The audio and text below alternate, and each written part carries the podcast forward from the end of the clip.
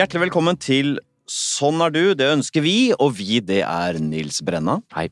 Og jeg, Harald Eia. eh, hvor vi, Nils, lar et kjent menneske vi gjerne vil forstå litt bedre, ta en såkalt Store fem personlighetstest, sånn at vi kan måle vedkommendes personlighet på en objektiv måte, og så da gå gjennom resultatet av denne testen nøye sammen med dette arme mennesket. Og i dag skal vi prøve å finne ut hvem sanger, skuespiller, og også for mange kjent som dommer i Norske Talenter på TV 2, Mia Gundersen er. Ja, det blir spennende. Ja, du er litt spent selv også. Du, eh, det er vel ikke sånn at eh, du i eh, underholdningsbransjen som i næringslivet blir utsatt for masse tester, men folk mener jo veldig mye om deg, vil jeg tro? Det gjør de absolutt. Og jeg har jo vært med på dette gamet i veldig mange år. Og det er veldig mye som ikke stemmer, egentlig. Hva da, for eksempel? Jeg er nok ikke så eh, blond som jeg er blitt eh, fortalt opp gjennom tidene. Det er ikke så galt nå, da, men, men før, liksom, på 90-tallet, så var det liksom blondinen og Ja, Hva var det som lå i det å være blondine, egentlig? Ja, det kan du jammen spørre om.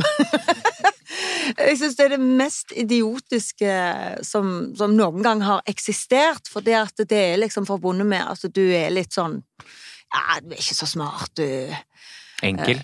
Og så er det jo noe med at jeg var jo veldig synlig, Mm. og um, var litt sånn rebelsk, kunne være med på litt sånn uh, kontroversielle ting, og i dag så er jo Det er jo så mange som er med på disse, nå er det jo reality i alle bauger og kanter, og det er ikke så farlig å eksponere seg, men før så var det sånn, du skal ikke eksponere deg, for det at da, da får du det.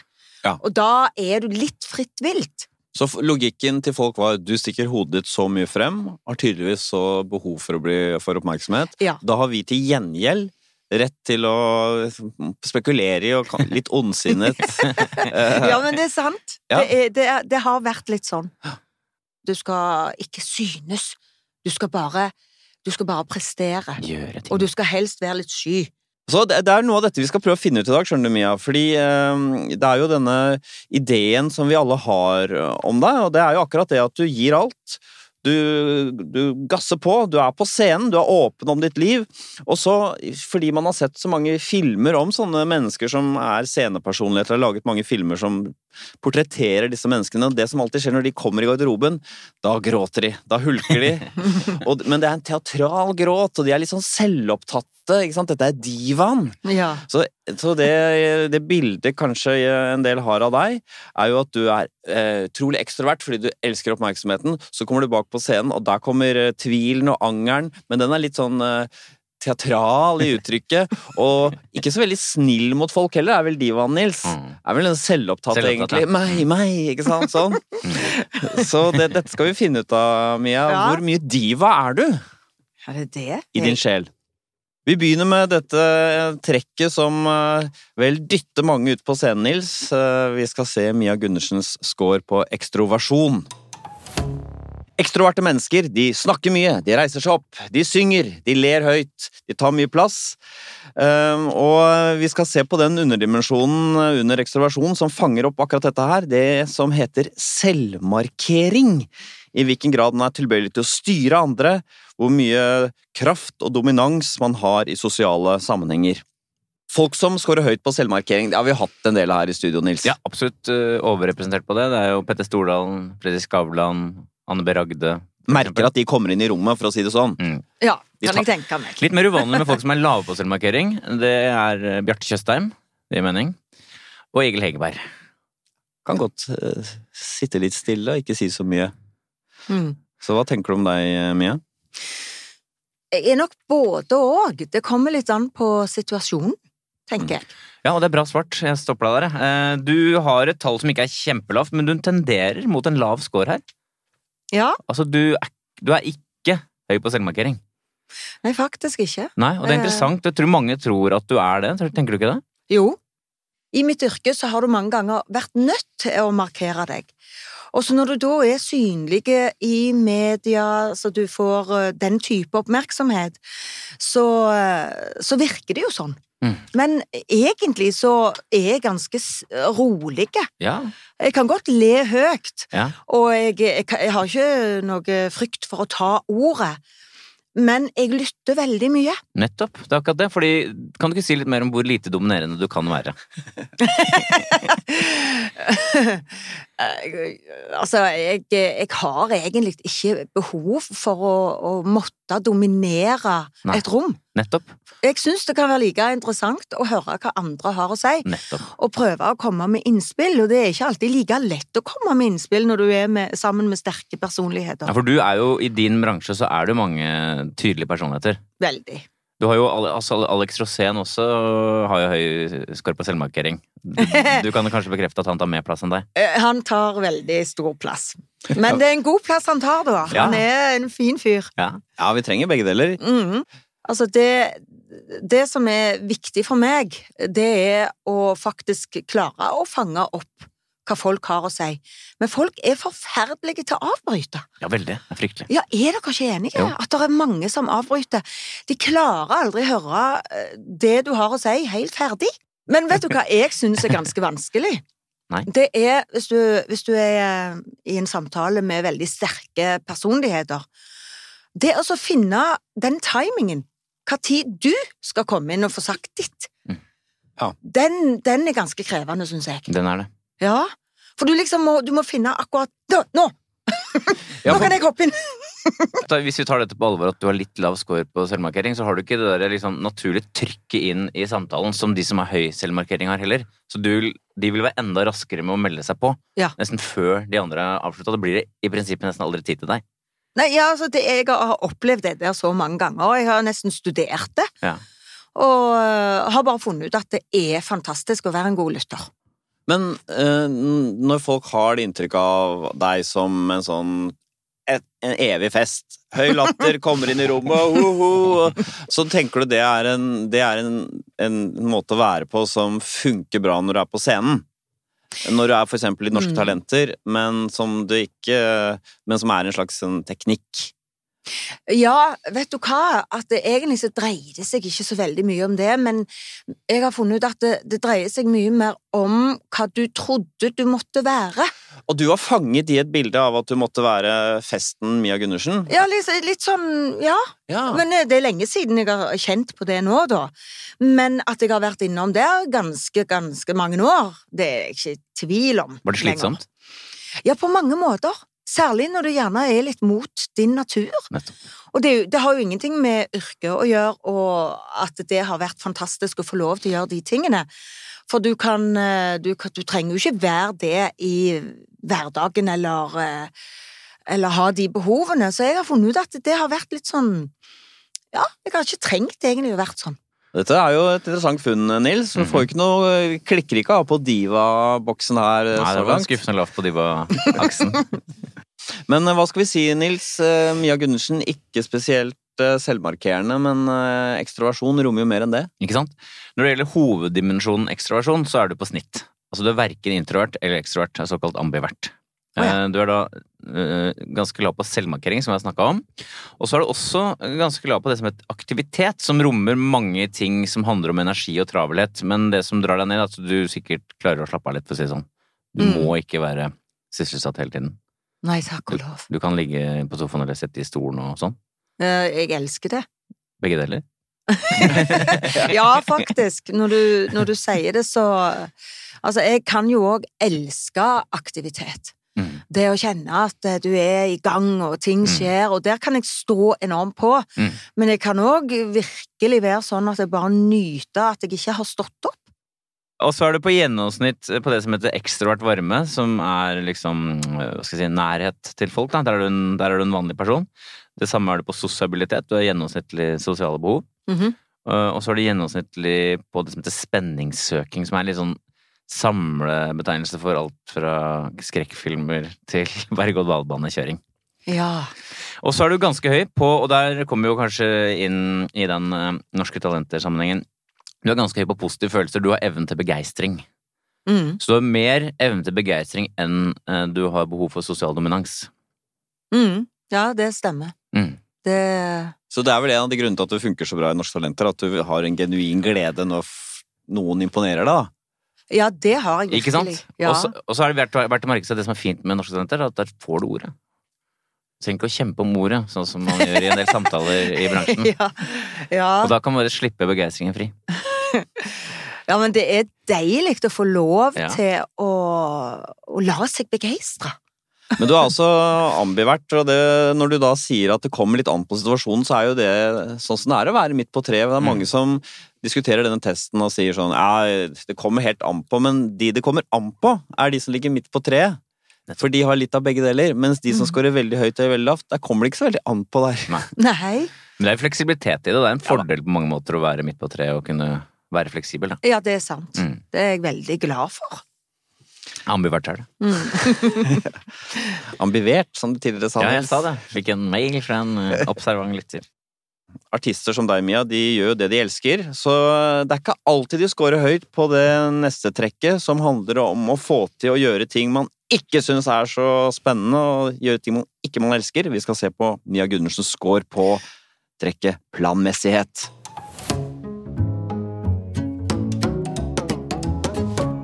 Planmessighet det handler da om viljen og drivkraften til å prestere for å oppnå sine mål.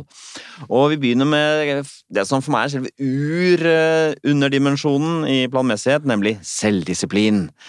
Evnen til å påbegynne og fullføre oppgaver. Tenk deg du sitter der, det er kjedelig det du skal gjøre, men du gjennomfører allikevel fordi du har så mye selvdisiplin. Distraksjonene kommer, de preller av på deg. Og de som er sånn, eh, Nils Vi fant jo ut at det var en av eh, kanskje nøkkelen til Bjørn Eidsvågs suksess, eller en av nøklene, det er at han har selvdisiplin. Han står i det, han gjennomfører og får tingene gjort. Det samme gjelder Jan Thomas. Gjør eh, masse ting, selv om det er kjedelig. De som er lave, eksempel Kristoffer Joner. Han er verdensmester i å bli distrahert og begynne med andre ting som er, når det begynner å kjede seg. Det samme gjelder Alex Rosén. Mm. Gir det mening? Jeg kjenner begge. Og du, du gir mening? Det gir mening. Jeg, eh, jeg tror jeg er i, den gruppen eh, til de to der, jeg, altså. Ja, du, det har du helt rett i. Jeg kan minne om scoren, da. Det er 50 i gjennomsnitt. Eh, 40 begynner å bli tydelig lavt. Eh, hvis du er under 30, så er du blant 1% lavest selvdisiplin, og det er du. Tallet er 27. Å, søren, er det sant?! Å, herre min hatt, altså. Ja, hvordan blir livet da når du har så lite selvdisiplin? Fortell hvordan uh... Nei, det er litt sånn sisteliten. Veldig lett for å utsette Ja. ting. Og, og det er altså Fordi det er kjedelig, eller? Å begynne med ting? Nei, jeg er så dårlig å drive meg sjøl. Ja, hva, er som, hva er det som ikke skjer? Hvordan, kan ikke du Altså, beskrive jeg, det? jeg, jeg er jeg, Altså, hele mitt liv du, Jeg har jo stått på scenen hele mitt liv, eller jobba i grupper hvor du får beskjed om at du kommer på det tidspunktet der, sånn og sånn og sånn, og så har det ikke vært så veldig mye sånne forberedelsesoppgaver annet enn å lese teksten, selvfølgelig, og alt det som tilhører det. Men eh, Og det å skal drive et eh, et prosjekt alene, det syns jeg er forferdelig. Men hva er det som skjer da? La oss si du får et prosjekt som du virker, synes virker litt kjedelig. Hvordan er det de kreftene virker i deg da? Ja, litt for å utsette det og tenke ja, men det, jeg får det, jeg kan gjøre det i morgen. Ja. Altså, det er så lett når du, å si det når du ikke har en sånn øh, At du setter deg ned, og så, og så, og så sparrer du sammen med en partner. For det at da kan jeg drives. Hva kan du gi et eksempel på ting du har begynt på som du kanskje ikke har gjennomført? Eh, ja, så jeg har jo eh, For, for å begynne sånn, altså jeg begynte jo å blogge og skrive, og, og jeg skriver ganske bra. Mm. Og fikk god respons på dette her, for det, at det, det som du sier, Harald, at det, der, eh, det hadde jeg lyst. Ja, Det, det, det hadde jeg behov for da, og da satt vi ned og skrev, og litt sånn i siste liten, og nå må jeg få det gjort, og nå må jeg få det. gjort. Ok, kom igjen da. For det er viktig å holde det gående når du har blogg, eh, at det kommer nye det, ting. det, det, og det, det var det jeg Plutselig så var det liksom tomt.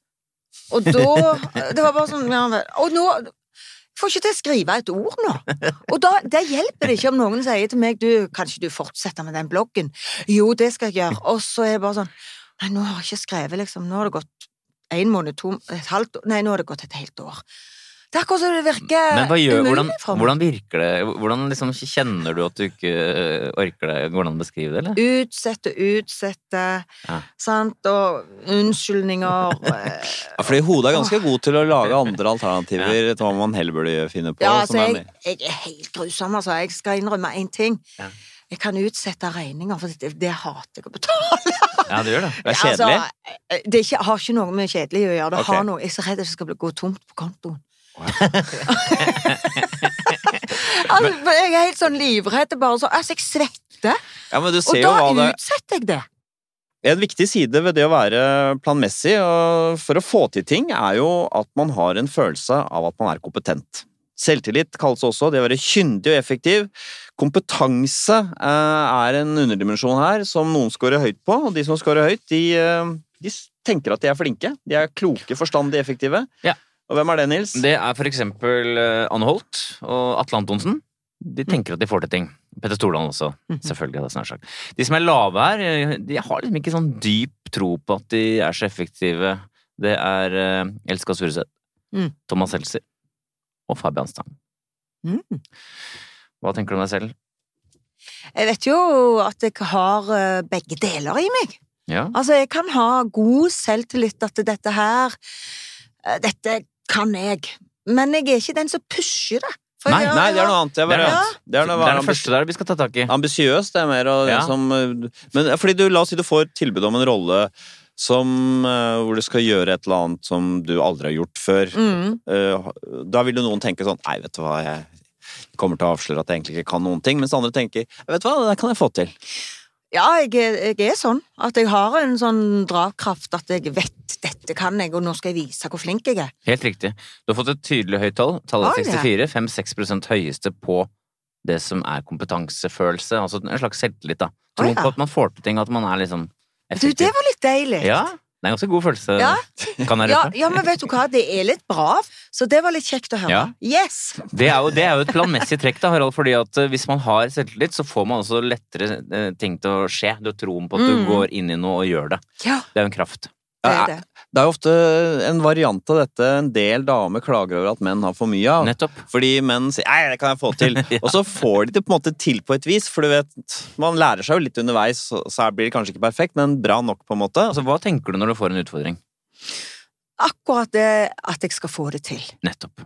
Og jeg eh, kan gå på ting som jeg aldri har gjort før òg. Hva kan det være? ja, for eksempel, jeg var med på 71 grader nord. Ja. Og det var, var bare sånn Jeg kom inn, og jeg hadde ikke trent i det hele tatt. Men jeg, jeg kan tenke at ei, dette her går fint. Ikke sant? Dette får jeg til. Så Er ikke ja, det veldig slitsomt? Er det ikke fryktelig slitsomt da? du, du, må- du må ikke snakke. Ja, for det er det, er det ikke det? Altså, det var helt galskap. Kan du ikke bare si litt om eh, hva du opplevde der som er slitsomt, sånn at folk skjønner eh, hva det Ja, er? altså, den ene dagen øh, etter vi hadde hatt et kjør uten like, så skulle vi stå opp, og jeg bare nekta. Jeg klarte ikke å stå opp. Altså, og du skulle tro det var de musklene i kroppen var liksom, de var jo helt ferdige, men jeg klarte ikke å få opp øynene. Altså, det var bare det, Jeg lå sånn og snakket. Altså, hele kroppen var totalt utslitt. Og jeg bare klarte ikke å se på henne som maste på meg. Hva skjedde da? Måtte du bryte seg, eller? Ja, altså, jeg, eh, jeg måtte mases på for å være med. Hvem var det som var Jeg med? var så Er det ikke ofte noen idrettsutøvere som er med? Hvem var det som var med da du var med? Eh, Thomas Alsgaard. Ja, han vant jo, gjorde han ikke det? Ja, han, han vant. Og jeg var på lag med han. Takk og lov. Ja, for han bar eh, sekker og Ja, han gjorde det. Og jeg, han faktisk Han fikk meg til å prestere veldig bra. Han gjorde det? Ja, for jeg presterte veldig bra, og det er jeg stolt over. Hvordan klarte han det? Nei, det, altså, han var en god motivator. Han var rolig. Jeg liker å være rundt rolige folk. Uh, pluss han tok sekken. Men du ble imponert over hvor godt trent han var, da? eller? Ja, vet du hva. Men det som er interessant her, er jo nettopp at det du tenker når du får øh, øh, spørsmål om å være med, tenker, Mm. det får jeg til.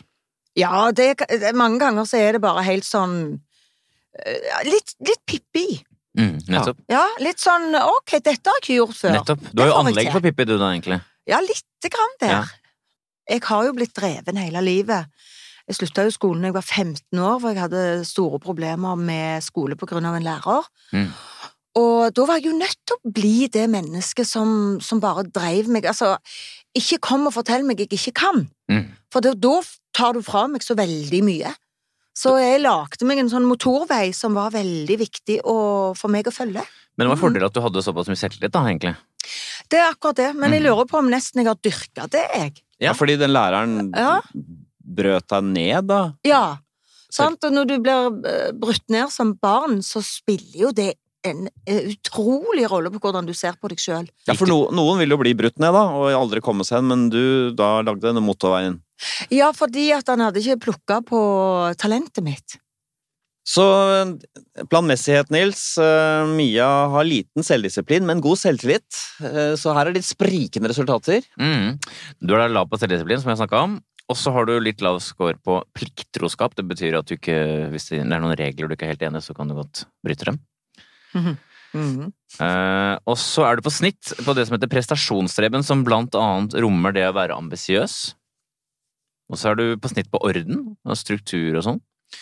Og så er du ganske høy på det som heter betenksomhet, så det syns jeg er litt interessant, for at nå tenker jeg kanskje at du er en som tar ting på spark og er litt sånn uh, ubetenksom sånn. Det er du Mm. ikke. Du er egentlig ganske grundig. Ja, tenker er deg nøye om. Ja. Mm. Faktisk. Mhm. Og så er du da høy på kompetanse, som jeg har snakket om, som da rommer selvtilliten som gjør at du kan lage en egen motorvei i livet. Mm. Så er noen lave og noen høye scorer. Til sammen så blir dette sånn midt på tre-score på planmessighet. eller? Helt riktig. Helt gjennomsnittlig på planmessighet, men det er veldig mye sprik under der. Ja. Mm. Men du er jo en kunstner, Mia, så det er alltid spennende om eh, kunstnere scorer høyt på det som, eh, i hvert fall i psykologilitteraturen, har blitt beskrevet som kunstnerpersonlighetstrekket, nemlig åpenhet for erfaringer.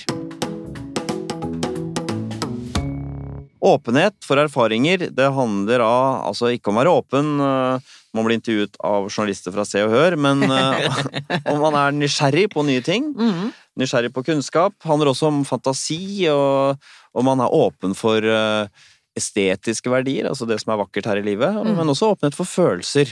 Mm. Vi skal begynne allikevel med det motsatte åpnet for følelser, nemlig åpnet for ideer, altså mer en intellektuell nysgjerrighet. Ja. Eh, Skårer man eh, lavt her, så betyr det ikke at man er eh, dum, men man eh, er konkret. Man eh, lurer ikke så veldig på hvorfor ting funker, man bare ser at det funker. Mhm. Skårer man høyt her, så liker man da filosofiske diskusjoner, man lurer på er teoretiske forklaringer på hvorfor ting er som de er. Hvorfor faller eplet ned? Hva er egentlig grunnen til at det gjør det? Da skårer du høyt. Og høye her, eh, som vi har hatt i studio, Nils Det er Trond-Viggo Torgersen, uh, Tore Sagen, og uh, litt overraskende for noen sikkert Alex Rosén. Jeg er ikke overraska Nei. over det, jeg. Nei. Nei. Og så har vi jo en i studio hver gang som er her, nemlig Harald. Du er her. Og så er vi da de som er lave, som ikke er så interessert i hvordan ting henger sammen. Atle Antonsen snakka om at han er jo ikke interessert i det, dessverre, som jeg sa. Han er ikke dratt i den retningen. uh, Samme gjelder Mari Maurstad. Og så skiller jo Steinar Sagen seg fra Tore Sagen med at han er lav på dette. Akkurat. Mm. Mhm. Jeg tror jeg må score høyt på det. Du er veldig høy her. Kjempehøy. 72. 1% høyeste. Så det betyr jo at du har mye nysgjerrighet, rett og slett. Og også i retning av teorier og sånne ting. Enormt. Mm. Altså, jeg er jo nerd. Tror du ikke at, tror, tror du ikke at Apropos det du sa om blondine, tror du ikke at mange ikke tenker at du er sånn? Veldig mange. For det, det er en side som jeg ikke har eh, egentlig eh, vært, hatt behov for å vise utad. Nei. eller det har, det har liksom ikke vært rom for det. Sant? Men jeg, jeg er jo ekstremt nysgjerrig på ting. Hva kan du være nysgjerrig på, for eksempel? Ja, jeg kan være nysgjerrig på vår eksistens. Ja. Det er noe som jeg eh, Og da går jeg langt. Da går jeg langt i universet, og det går på om det er andre som lever på andre planeter. Mm. Astronomi. Mm. Eh, historie. Jeg er veldig interessert i det der som er sånn så urgamle eh, Før på en måte sivilisasjonen Ja. Hvor, gammel, ja, hvor langt tilbake vil du holdt si, Ja, men- historien? Du, det, det er jo det som er så spennende, for det at nå skjer det veldig mye. Ja. Og det er at de finner jo øh, gjenstander som kan dateres eh, så langt tilbake at eh, da eksisterte ikke mennesket. Ja. Så, eh, og da går jeg inn i det. Da finner jeg ut hva har de forska på, hva har de funnet ut. Hvor går du da når du finner ut sånt? Jeg har funnet et sted som heter gaia.com, som er utrolig spennende. Ja. Men du må være åpen i hodet. Ja. Ja, for Gaia.com Gaia er jo denne hypotesen om at eh, hele jordkloden er en slags organisme. Er det ikke det? Som Jo, er- blant annet. Så dette er, litt, dette er ikke helt mainstream, sånn eh, streng vitenskap, men Nei. litt, også litt spekulativt og ganske rikt når det Ja. gjelder Veldig rikt. Er det andre steder enn gaia.com du Ja. YouTube. Ja. Der er der For det at der får du info ganske fort, så da kan du Da kan du vandre litt rundt, og så kan du lage dine egne ja. slutninger, sist, egentlig. hva var det du var på YouTube og sjekket ut sist som kom på? Eh, det er sånne eh, Sånn som de Altså gamle Egypt. Ja. Men ikke bare Egypt. Altså, de finner jo disse her gamle strukturene og gamle byer, og der skjer det mye. Mm. For det er nye oppdagelser hele veien der. Så, og da Altså, disse som sier at de bygde de sjøl, og de eh, det, det, det tok de Altså, det, det, den teorien der, den har jo bare gått i oppløsning. Mm. Så da er det hva, hva er det som har gjort at de klarte å bygge Mm. så store sånne megastrukturer? Det mm. Hvis du skulle reise tidsmaskinen tilbake, hvilken tid ville du reise til? Ja, jeg ville nok ha opplevd det, det gamle, gamle, gamle Egypt. Er det For de som ikke kjenner til uh, gamle, her. Det gamle Egypt, det er uh,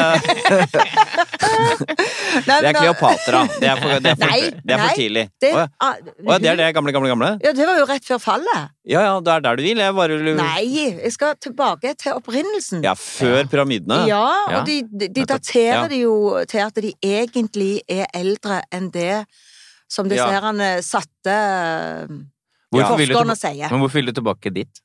For jeg tror det var en veldig spennende tid. Ja. Jeg tror den teknologien som de hadde der, den, eh, den er utrolig spennende. Men er det sånn at du, nå gikk du Du sa jo at du måtte slutte etter ungdomsskolen, men er det sånn at du har hatt et sånn slags savn etter å kunne studere nå? Det har jeg virkelig hatt. Og jeg har hatt mange runder med meg sjøl hva jeg egentlig eh, kunne ha blitt hvis jeg hadde hatt et fritt valg. Fortell. Eh, nei, altså kanskje arkeolog. Ja. Uh, ast astronom. Mm. Det å være åpen, Nils, for ideer eh, er jo en, bare en liten del av åpenhet for erfaringer. Hvordan er Mia ellers? Er hun et åpent menneske? Du er et svært åpent menneske, Mia. Du har fått tallet 69, du nærmer deg 1 høyeste. Du har da høy score på åpenhet for ideer, som jeg snakka om. Du har høy score på fantasi. Eh, og så er du veldig høy score på verdi, det vil si egentlig bare at du er et tolerant eh, og moderne menneske. Og så er du høy score på åpnet for handlinger, det vil si at du liker variasjon, prøve nye ting, reise nye steder. Mm, mm. Og så er du høy på det som heter estetikk, det vil si kunst i alle dens varianter. Kanskje ikke så overraskende. Du har bare én underdimensjon som du ikke er høy på, men den er ikke lav eller den er på gjennomsnitt. Men det er følelser. Det er interessant, syns jeg. Altså, når, akkurat når det gjelder følelser og emosjonalitet, så er du en, van, er du en vanlig person. Ja. Hvis noen trodde du var sånn hyperemosjonell, så er du ikke det. Nei, jeg er faktisk ikke det. Nei. Det er veldig sjelden at jeg griner. Hvor ofte vil du si at du i snitt gråter, hvis du ser liksom de 20 siste årene dine? Å, guri malla. Da Da, da Det er sjeldent. Ikke månedlig.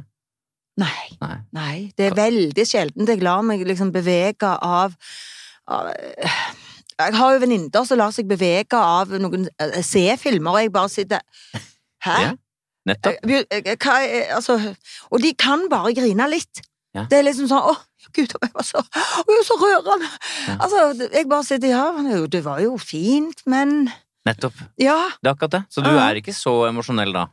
Nei, jeg er egentlig ikke det. Du er mer begeistret enn du er emosjonell. Ja, altså, jeg liker å le, Ja, men jeg liker nettopp. ikke så veldig godt å grine. Nettopp. Så du er et, et svært åpent menneske, men ikke åpen på den ene underdimensjonen man forbinder med litt sånn kunstnere, særlig litt sånn sceniske kunstnere, da, som er nettopp kontakt med følelsene, jobber med følelser og fornemmer følelsene i rommet og selv eh, tar sine beslutninger på, basert på følelser. Men så her, så langt så har vi ikke fått noe score på diva-hypotesen. Nei, det var skuffende. Så ikke er du eh, særlig ekstrovert. Du er åpen, men du er først og fremst åpen for ideer og, og fantasi og den type ting. Men divaen går av scenen, så ser vi for, eh, da ser vi for oss dette mennesket gå inn i garderoben, og da kommer angeren, tvilen, alt det som er tungt og mørkt, har Mia Gundersen høy score på nevrotisisme.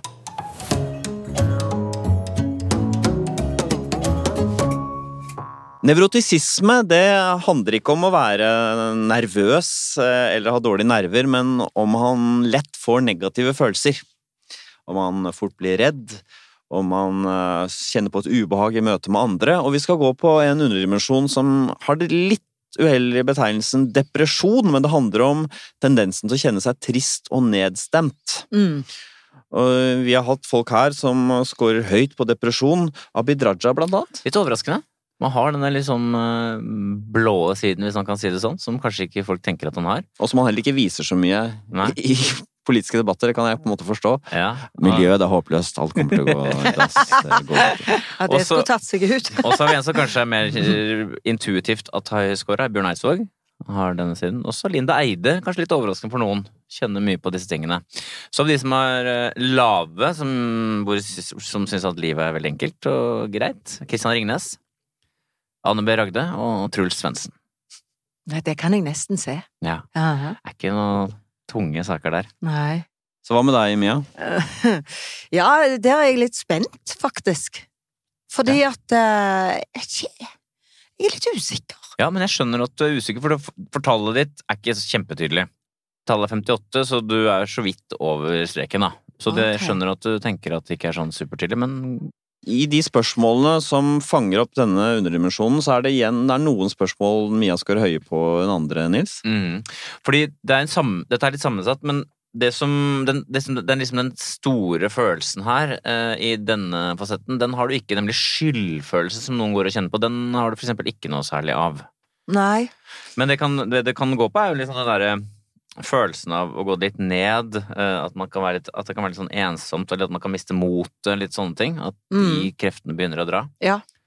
Der kjenner jeg meg igjen. Hva er det du sier litt mer? Ja, det, det der med å miste motet på noe, altså det, det er nesten som den der djevelen på skulderen. Ja.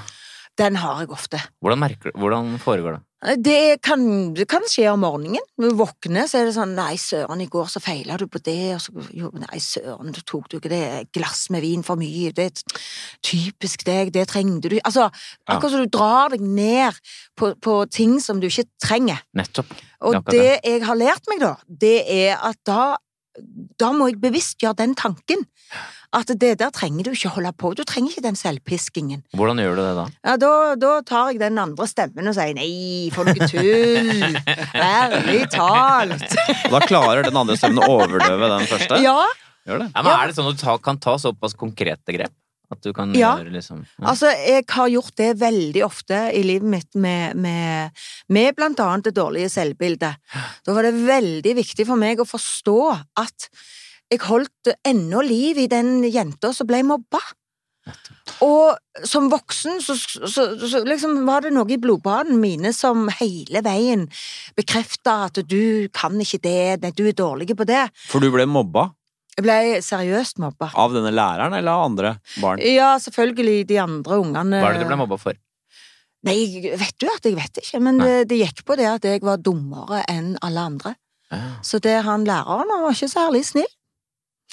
Og jeg var jo prega av det langt inn i mitt voksne Hva var det læreren gjorde da konkret i klasserommet og sånn?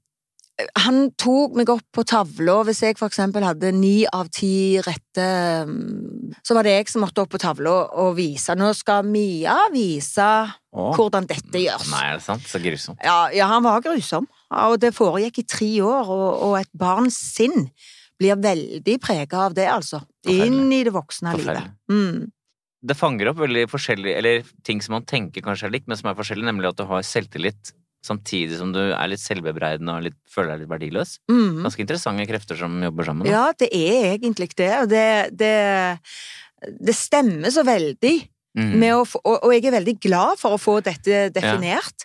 Ja. For det er to vidt forskjellige ting, og det går an å ha begge. Og så kan jeg legge til en tredje ting, fordi du har også den relativt uvanlige kombinasjonen at du Fordi denne fasetten her eh, er liksom, hva skal jeg si, det å gå litt ned.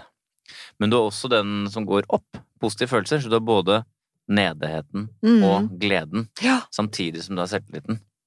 ja, men jeg, jeg tror eh, jeg har klart å finne en sånn noenlunde balanse i livet mitt med det. Ja.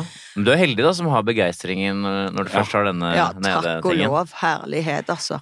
Jeg kan jo si at uh, Knausgård, som vi ofte refererer til her, da, han har jo veldig høy score på depresjon, uh, men han har samtidig veldig lav score på positive følelser. Så han sa i et intervju så jeg, jeg er aldri glad. Nei, men gud, så sitter vi og ler. Ja, han, har, han har funnet en måte å løse det på. ja.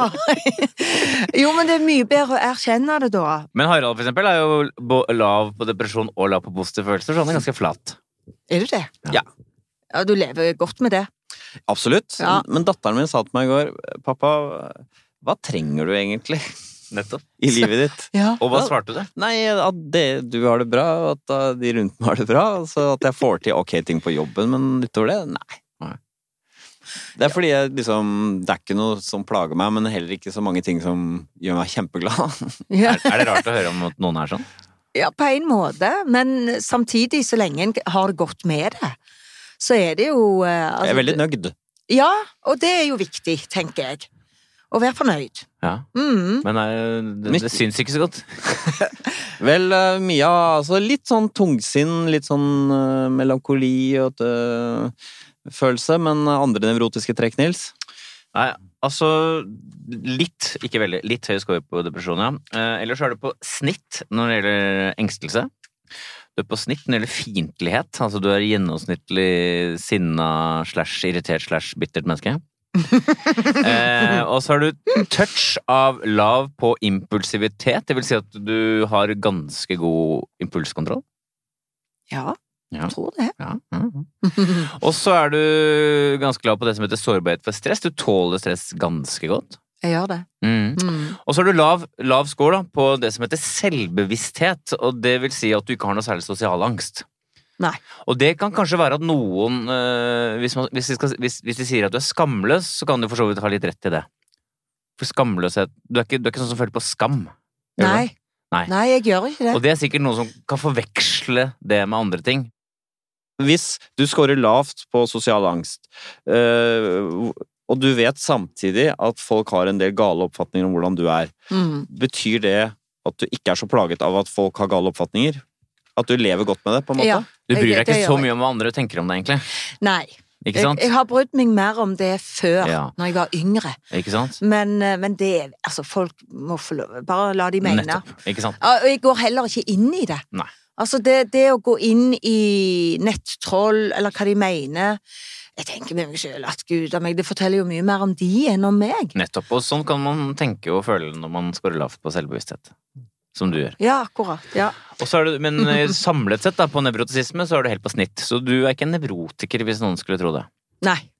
Jeg kjenner meg ikke igjen i det. Nei. Takk og lov. Mm. Så dette hulkende Altså dette hulkende menneskene i garderoben som jeg da prøvde Ja. å mane frem, det, det er ikke du. Nei. Du er, så det er siste halmstrået for å se om du passer inn i denne diva-klisjeen, da, Mia. Som etter hvert begynner å bli ganske tynnslitt, øh, den hypotesen, men vi forsøker litt til. Det er jo Divaen er jo en narsissist, Nils. Er jo ikke først og fremst et menneske som bryr seg om andre, men bryr seg først og fremst om seg selv. Så Skal vi se, da. Mia Gundersens score på trekket medmenneskelighet.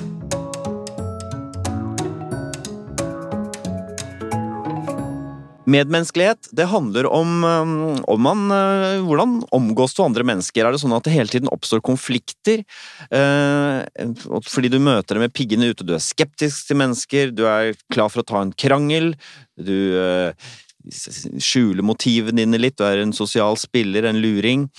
Eller er du, møter du mennesker med åpne armer? Du er, har sterk tillit til andre mennesker, du hjelper andre mennesker, og det er det vi skal begynne med. Den underdimensjonen under medmenneskelighet som heter altruisme. I hvilken grad man er villig til å hjelpe andre og vise genuin omsorg for andres velvære. Mm. Altruistiske folk. Eh, Nils Steinar Sagen har vært nevnt tidligere. Ja, i motsetning til sin bror Tore Sagen, som er litt mer eh, lav her. Litt mer egoistisk, ikke bryr seg så mye om andre, da. Eh, en som kanskje er litt overraskende for noen, er høy på altruisme, Eivind Hellstrøm. Å, ja. Genuint omsorgsfull. Det samme gjelder Alex Rosén. Akkurat, ja. Er du enig i at Alex Rosén Ja, jeg er det. mm. Eivind Hellstrøm måtte jo måtte skjule sin eh, altruisme i denne, dette programmet hvor han skulle irettesette dårlige kokker. Ja. Mm. Men det må jo være grusomt, egentlig. Det er i hvert fall uh, to mm, rake motstandere. Ja, Men det var, han hjalp på at Mm. han var drevet av en genuint ønske om å hjelpe dem. Mm. Og da kan du være litt streng. En som scorer lavt der, eh, ikke fordi han er en vanskelig fyr, men han er bare ikke sånn genuint opptatt av å hjelpe andre, er Egil Heggeberg. Han er ikke, det er det som er morsomt med han. Han er en veldig snill og hyggelig fyr, men han er hjelper deg ikke så mye, kanskje. Han plager deg ikke. Det er Nei, det som det er det som er greit. Så hva med deg, Mia? Er du et menneske som ofte trår til og hjelper andre? Ja, jeg vil si det, men jeg er ikke sånn eh, Jeg er ikke sånn som er ute i feltet. Nei, men det er det veldig få som er, da. Ja, det er jo det. Nei, du har fått veldig høy score her. Eh, 65, ca. 5 høyeste. Tross alt eh, tydelig høyt, da. Ja. Hvordan arter denne omtenksomheten seg overfor andre? Eh, Altså, jeg, jeg møter folk med et åpent sinn. Ja, Og hjelper du dem hvis de har problemer, eller hva? Ja, altså hvis venner har problemer, Ja. så, så er jeg til stede, og familie, altså da er det bare fullt trøkk. Ja, det er det. Hva ligger etter fullt trøkk? Hva gjør du da, for eksempel? Nei, altså, det, det kommer jo an på hva problemet er, men, Mm. men uh, jeg er der. Og hva kan du gjøre da? Komme og lage middag hos dem? Er det sånne ting? Ja. Mm. Det er litt sånne ting, altså hvis det Nå har jeg ikke opplevd det, faktisk. Men det er jo litt har sånn, veldig sunne venner og familie, ser det ut som. men det er jo sånn vi har snakka med folk før som skårer litt lavt der, og da er det sånn eh, ja, de, de, de kommer kanskje ikke helt på å være omsorgsfulle heller. Og hvis la oss si at de har en venn eller venninne som har opplevd det fælt, så er det kanskje litt fælt der og da hører om det, men så glemmer man det når man går fra hverandre. Men der er ikke du. Du, vil, du følger opp. Da ville du ringt og tatt kontakt, sørge for at det Ja, bra og sånne ting. Ja, det ville jeg gjort. det. Vil de som er i familien din si at du er en hjelpsom person? Jeg tror det. Mm. Ja. Hvordan er det de merker det, da? Jeg merker det vel at det er det der at jeg er gjennomsyra snill, da. Mm. At det er, det er faktisk et eh, karaktertrekk som, som er bare iboende meg. Nei, altså, jeg er, jeg er ikke en sånn typisk myk mor som hele veien syr puter. Men de, merker, men de Men det vel- mener ja. jeg er snilt. Ja, men de merker Mm. at du De merker at uh, hele tiden at du er i nærheten med omsorgen. Er det Ja, litt sånn det foregår? ja. De Jeg- lurer ikke på det. Nei, nei, nei, nei. Det, og det er jeg veldig opptatt av. Ja. De skal aldri lure på det. Men hvordan vet de Hvordan vet de det? Jeg sier hver dag 'jeg det. elsker deg'. Ja, det gjør det. Ja, jeg har lært han til å si at han jeg elsker deg også, mamma'. Hvor gammel er han som sier det sånn? Han er 15. Ja, å, Mm. Vanskelig alder å si sånn. Ja, det, det er det, men for han er det blitt naturlig, for Ja. jeg har presisert det fra Ja. første stund. Ja, En ting jeg lurer på som nesten grenser mot det private, men jeg vet at du hadde en mor som var rusmisbruker, Mm. eh, som du har fortalt om, og jeg har også et familiemedlem som er rusmisbruker, og for meg så har denne Det å være liksom Ofre seg for andre og vise veldig mye omsorg. Jeg har sett på nært hold hvordan folk som er rusmisbrukere kan misbruke den omsorgen litt. Da. At du Mm. bare er et sånt stort hull du bare tømmer ut i det. At det er litt sånn fånyttes. Så jeg vil bare høre om Har det å ha en sånn mor Jeg vet ikke hva din relasjon til henne var, men Mm. hvis det er, ligner litt på hverandre, det å ha en rusmisbruker i nær familie. Absolutt. Har du opplevd det også? At det er liksom sånn hjelpe henne liksom ikke Nyttet på en måte ikke? Absolutt. Det, det, det var jo et av og på-forhold. Nettopp fordi at hun, hun var jo ikke Hun var jo ikke i kontakt med sin egen sannhet. Så hun var jo et menneske som var Hun liksom visste ikke hvem hun sjøl var. Og ikke minst det der med å skal lyge seg vekk fra situasjoner. Ja. Uh, og hun var jo beinhard til tider. Sånn at eh, Hun har jo spist veldig mye opp av den tilliten Mm. på mange måter, og det gjorde jo til at du måtte jo ta avstand. Og det Jeg har ingen sånn anger på det, for det, at det, det nytter ikke.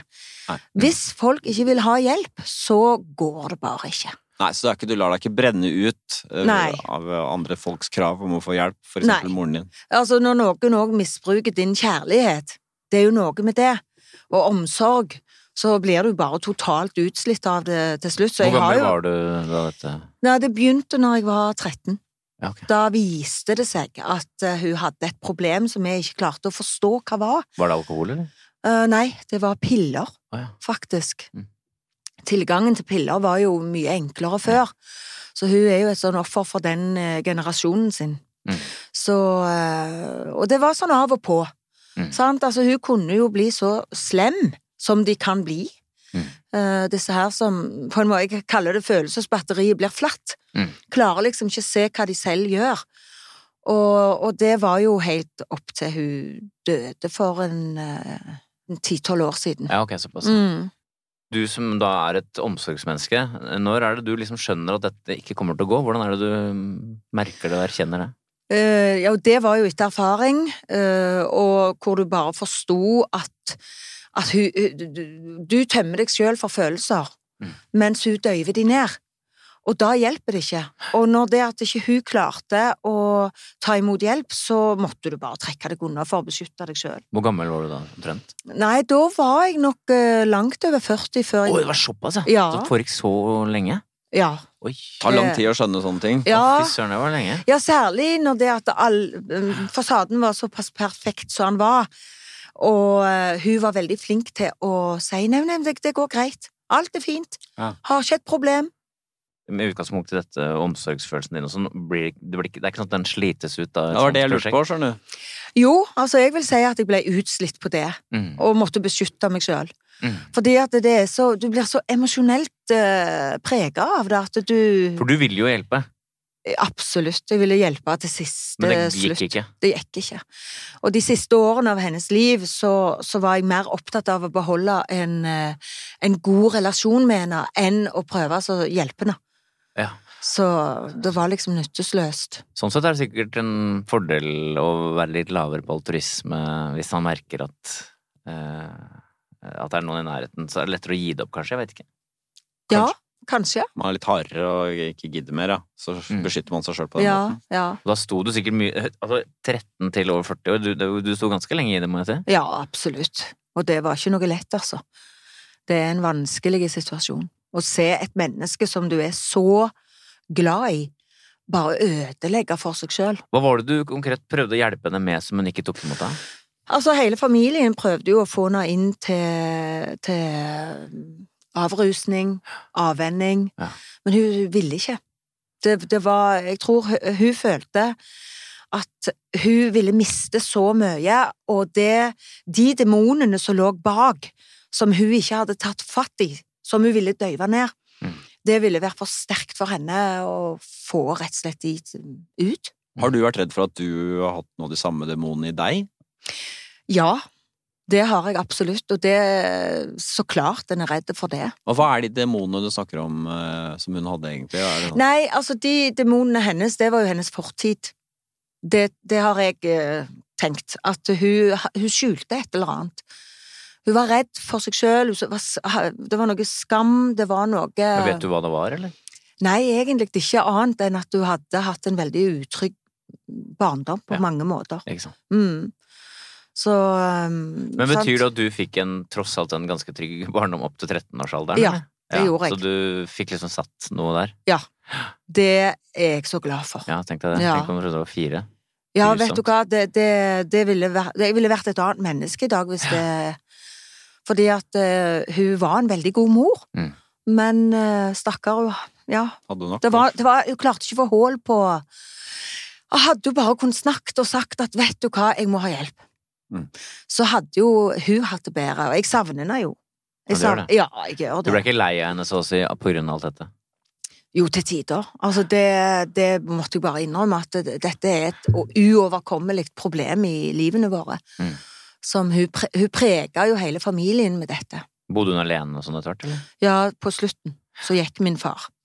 Fordi vi sa at vet vi kan ikke ha to foreldre som går til grunne. Nei. Og at, at vi tenkte at eh, når vi støtta far i hans eh, skilsmisse, så, så kunne vi være på utsiden og hjelpe henne. Mm. Men hun Å, det var så greit å skilles, så det var oh, ja. Ja. Så var det ikke det. Altså, Så hun erkjente Hun snakka egentlig aldri om Nei. problemet? Nei, aldri. Aldri erkjente hun at hun hadde et pro problem. Spesielt.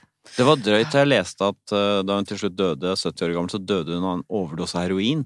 Mm. Er det sant? Ja. I leiligheten sin. Så du gikk fra piller og opp, da, så å si? Ja, ja, ja. Vi visste jo ikke om det. Jeg visste ikke det. Nei, Dere vi visste ikke det? Nei, nei, nei. Så når hun dør Altså, en ting at det står dårlig til, men i tillegg kommer heroinopplysningen, da får dere sikkert sjokk? Da, Ja, vi, vi fikk sjokk. Og, denne, og all den opplysningen som kom i etterkant, det var at hun var, hun var helt sånn eh, Alt skulle hun ha. Du, er, eh, du scorer høyt på altruisme, Mia, som betyr at du så langt er et medmenneskelig menneske, men eh, medmenneskelighet handler om mer enn å være snill, skjønner du, Mia, så Mhm. ikke føl deg trygg ennå. Beskjedenhet, det handler om graden av ydmykhet, i hvor grad man har høye tanker om seg selv.